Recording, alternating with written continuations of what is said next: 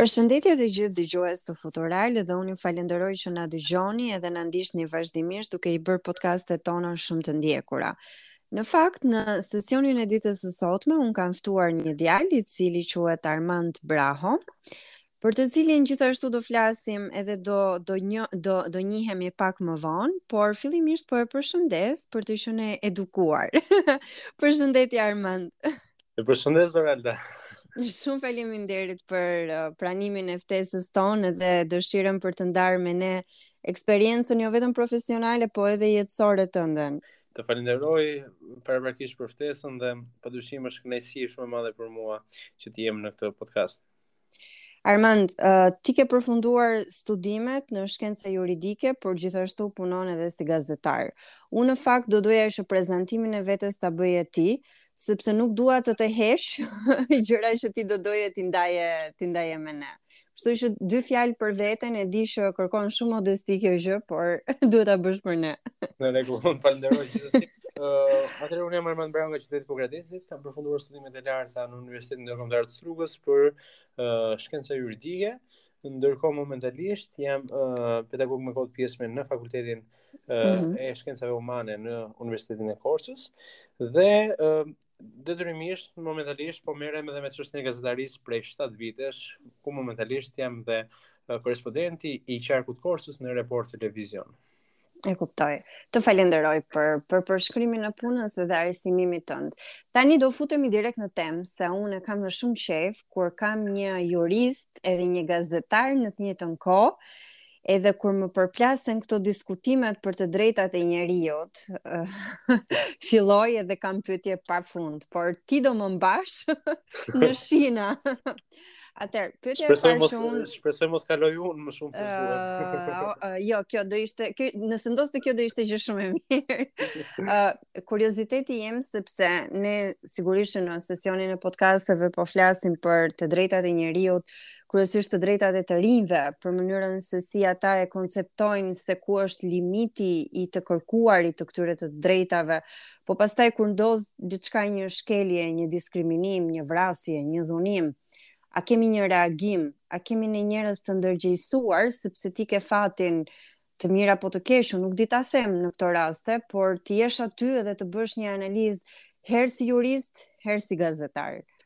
Në fakt është e vërtet, një postulat i shkencave juridike i njohur tashmë thotë që e drejta ime fillon aty ku përfundon dhe e jotja dhe anasjelltas. Mm -hmm. Në fakt për sa i përket çështjes së të rinjve, pjesa më e madhe, pjesa dërrmuese e tyre mund t'i njohin të drejtat e tyre, mund t'i njohin. Mm -hmm. Por çështja uh, qëndron tek kërkesa. Sa i kërkojnë ato, uh, sa i kërkojnë ata pra të rinjt, uh, mm -hmm. zbatimin e këtyre të drejtave. Në fakt ne kemi edhe një rini së fundmi, unë dua ta kritikoj në këtë në këtë vazhd, që është rinia kryesisht e rrjeteve sociale, rinia e Facebookut, mm -hmm. ku mhm. indinjatën e tyre, uh, ku problematikat e tyre, ata mundohen t'i shfaqin nëpërmjet Facebookut, Facebookut apo mm -hmm. aplikacioneve të ndryshme, aplikacioneve të tjera, Dhe si të thuash, janë të rinj të pajisjeve elektronike dhe jo të shesheve apo të të, të diskutimeve të, të, të, face to face, e kuptoj. Kjo kjo ka ndodhur në shumë raste të kohëve të fundit, por nuk përjashton edhe rastet kur të rinjtë kanë qenë dhe ata si, si e ke kuptuar këtë gjë, Armand, se është shumë interesante që të kuptohet kjo pjesë. Domethënë, ë uh, uh, unë e kam dëgjuar shpesh edhe unë e has atë që thua ti dhe është është shumë e vërtetë nëse ne diskutojmë si temë të dy. Por nëse na dëgjon një njeri tjetër dhe thotë që nëse unë diskutoj për një temë, unë mund të bullizohem, unë mund të fyhem, unë mund të shahem nga dikush tjetër. Ndoshta kjo pjesa e të reaguarit online e heq këtë përgjegjësinë e të përballurit drejt për drejt me personin apo fenomenin si mendon. Ëh, Atëherë për sa i përket një parimi tjetër ekonomik që unë do ta do ta përmendja që ndërlidhet me këtë pjesë është sa më i madh të jetë fitimi aq më i madh është edhe risku. Kështu që mm -hmm. në qoftë se nuk mund të riskosh për të thënë atë fjalë që ti ke ndërmend të thuash apo për të bërë atë veprim që ti ke ndërmend të bësh, atëherë është gjithë situata e humbur kot. Unë unë nuk dyshoj për këtë pjesë. Por duhet ta hedhim nga prizmi tjetër, ëh, kemi të rinj të cilët padyshim ngrenë zërin. Dhe uh, një një autor i huaj thotë që pas çdo furtune, pas çdo furtune ngrihemi më të fortë pasi rrëzohemi. Mm -hmm. Kështu që uh, padyshim, në qoftë se të rinjt e shohin një moment ose një tjetër ku duhet të reagojnë, patjetër pa ata të, të reagojnë dhe uh, dhe pse jo të të bëhen shtys për ndryshimin. Ke patur ti furtuna në jetën tënde? Tani është shumë e thjeshtë të thuash jo. Dhe, dhe unë nuk do ta besoj. dhe akoma më e vështirë për të thënë po. Pa, dy, pa dyshim, pa dyshim. Ka disa ka disa momente në jetë që ndoshta të përballin me me elemente të ndryshme, me njerëz të ndryshëm, por më e vështira do ta do ta konsideroja përballja me vetveten. Përballja me vetveten është një nga sfidat më të mëdha që çdo i ri kalon, ëh. Mm -hmm. Të mhm. di ku është, të di ku do shkojë, ë ndonjëherë ndihet i dyshimt, ndonjëherë ndihet i pasigurt për hapat që hedh. Por ë nëse guxon, patjetër, ë është një autore e huaj, më falni, një gazetare e huaj e cila thoshte për gazetarin që nëse ne dëshirojmë të hymë në gazetari, patjetër duhet të kemi dy gjëra. një e para vullnetin dhe e dyta dëshirën për të shkuar deri në fund të një çështje.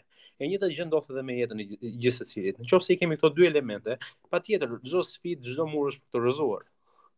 Të është dashur të shkosh deri në fund të një çështje të caktuar, jo vetëm për veten, por kundrejt një individi, një familje apo diçkaje që ti e ke konceptuar si shkelje e të drejtave apo problematike që ti e ke raportuar në çështjen e gazetarit, po nuk të ka lënë kjo pjesa e juristit.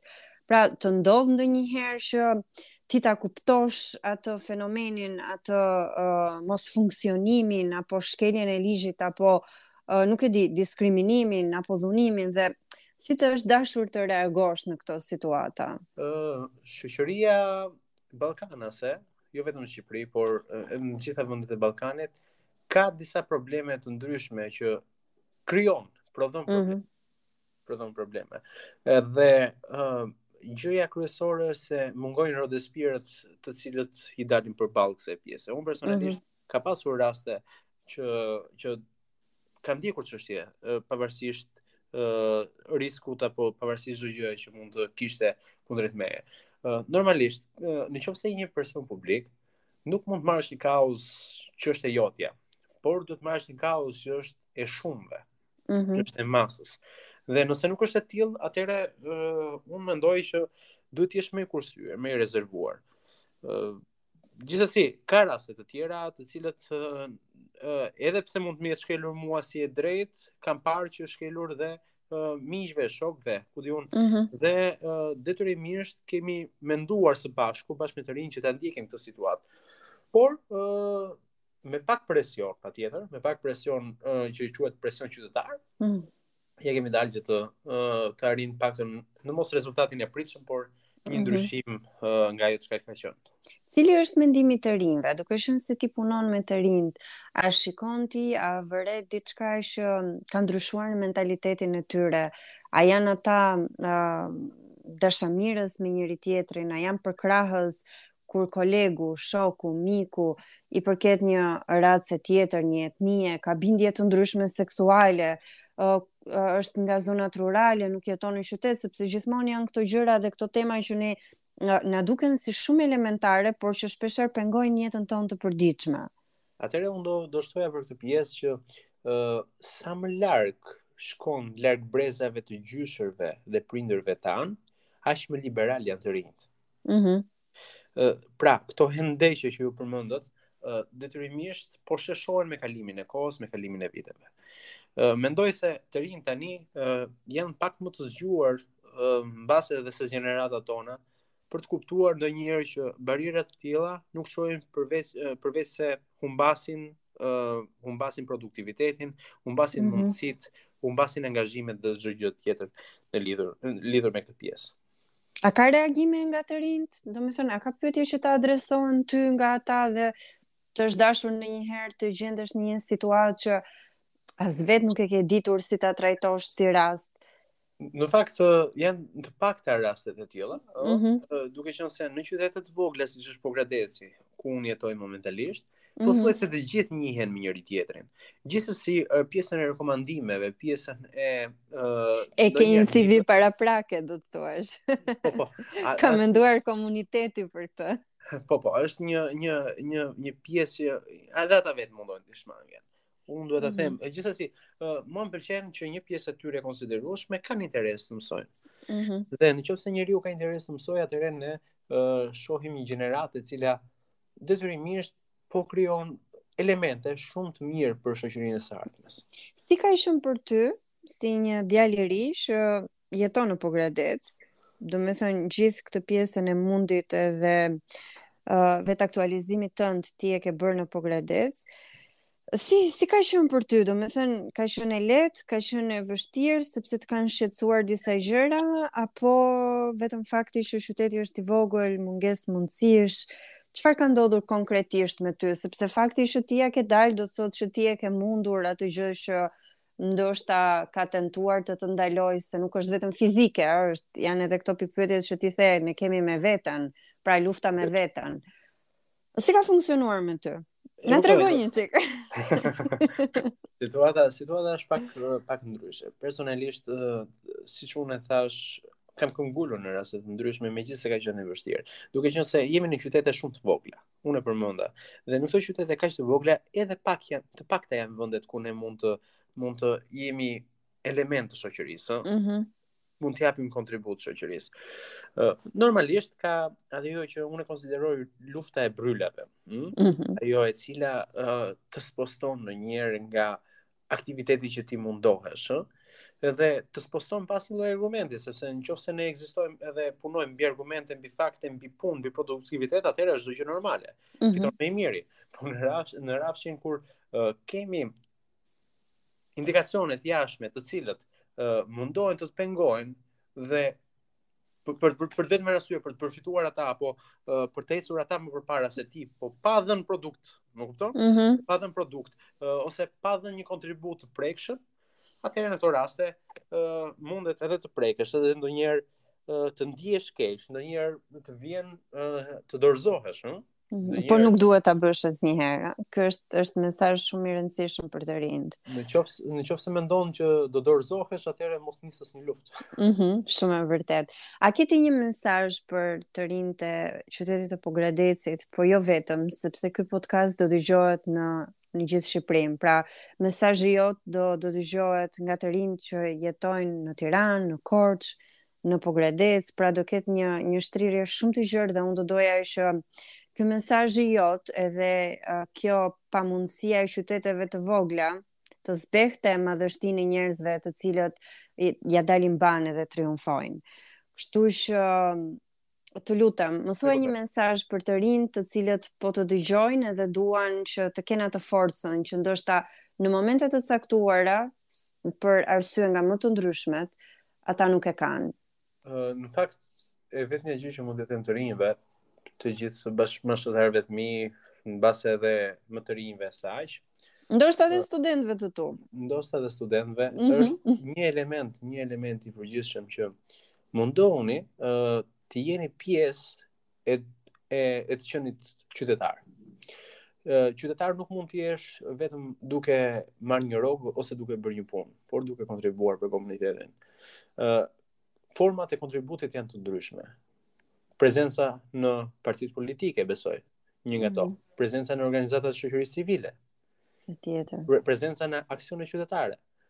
Ë prezenca në nisma të caktuara, Dhe në qoftë se secili nga ne vendos qoftë edhe një gur, duke mos u dorëzuar, duke mos u larguar nga Shqipëria, por duke kontribuar në vendin tonë, atëherë unë mendoj se ky vend do të bëhet pa dyshim dhe mendoj se të rinjtë do të jetojnë në kushte tepër të favorshme për uh, ambientin ku do të jetojnë. Kështu që e gjithë situata varet në duart e këtyre të rinjve që ne folëm, në duart e këtyre të cilët uh, mbahet e ardhmja e vendit tonë. Armand, unë të falenderoj shumë edhe gjithë biseda, unë nuk do doja që të përfundonte këtu, por gjithmonë gjithçka e ka, e ka një limit kohor për të qenë edhe e ndjekur edhe e dëshiruar nga, nga të gjithë. Uh, unë të falenderoj shumë shumë për të qënit këtu në, në këtë podcast me ne edhe për ndarjen e këtyre eksperiencave të tua, po që janë shumë uh, shumë aktuale dhe ndonjëherë unë kur ti flisje i ndjeja edhe tek vetja, kështu që uh, të falenderoj dhe um, uroj që ti të mos stoposh këtu, po të të, të kemi mundësi që podcastet e tjera të jenë me disa uh, të reja të tjera edhe arritje të tjera gjithashtu. Të shpresoj së bashku dhe ju falenderoj edhe ju Dorelda. Kalofsh mirë. Gjithë të mirat.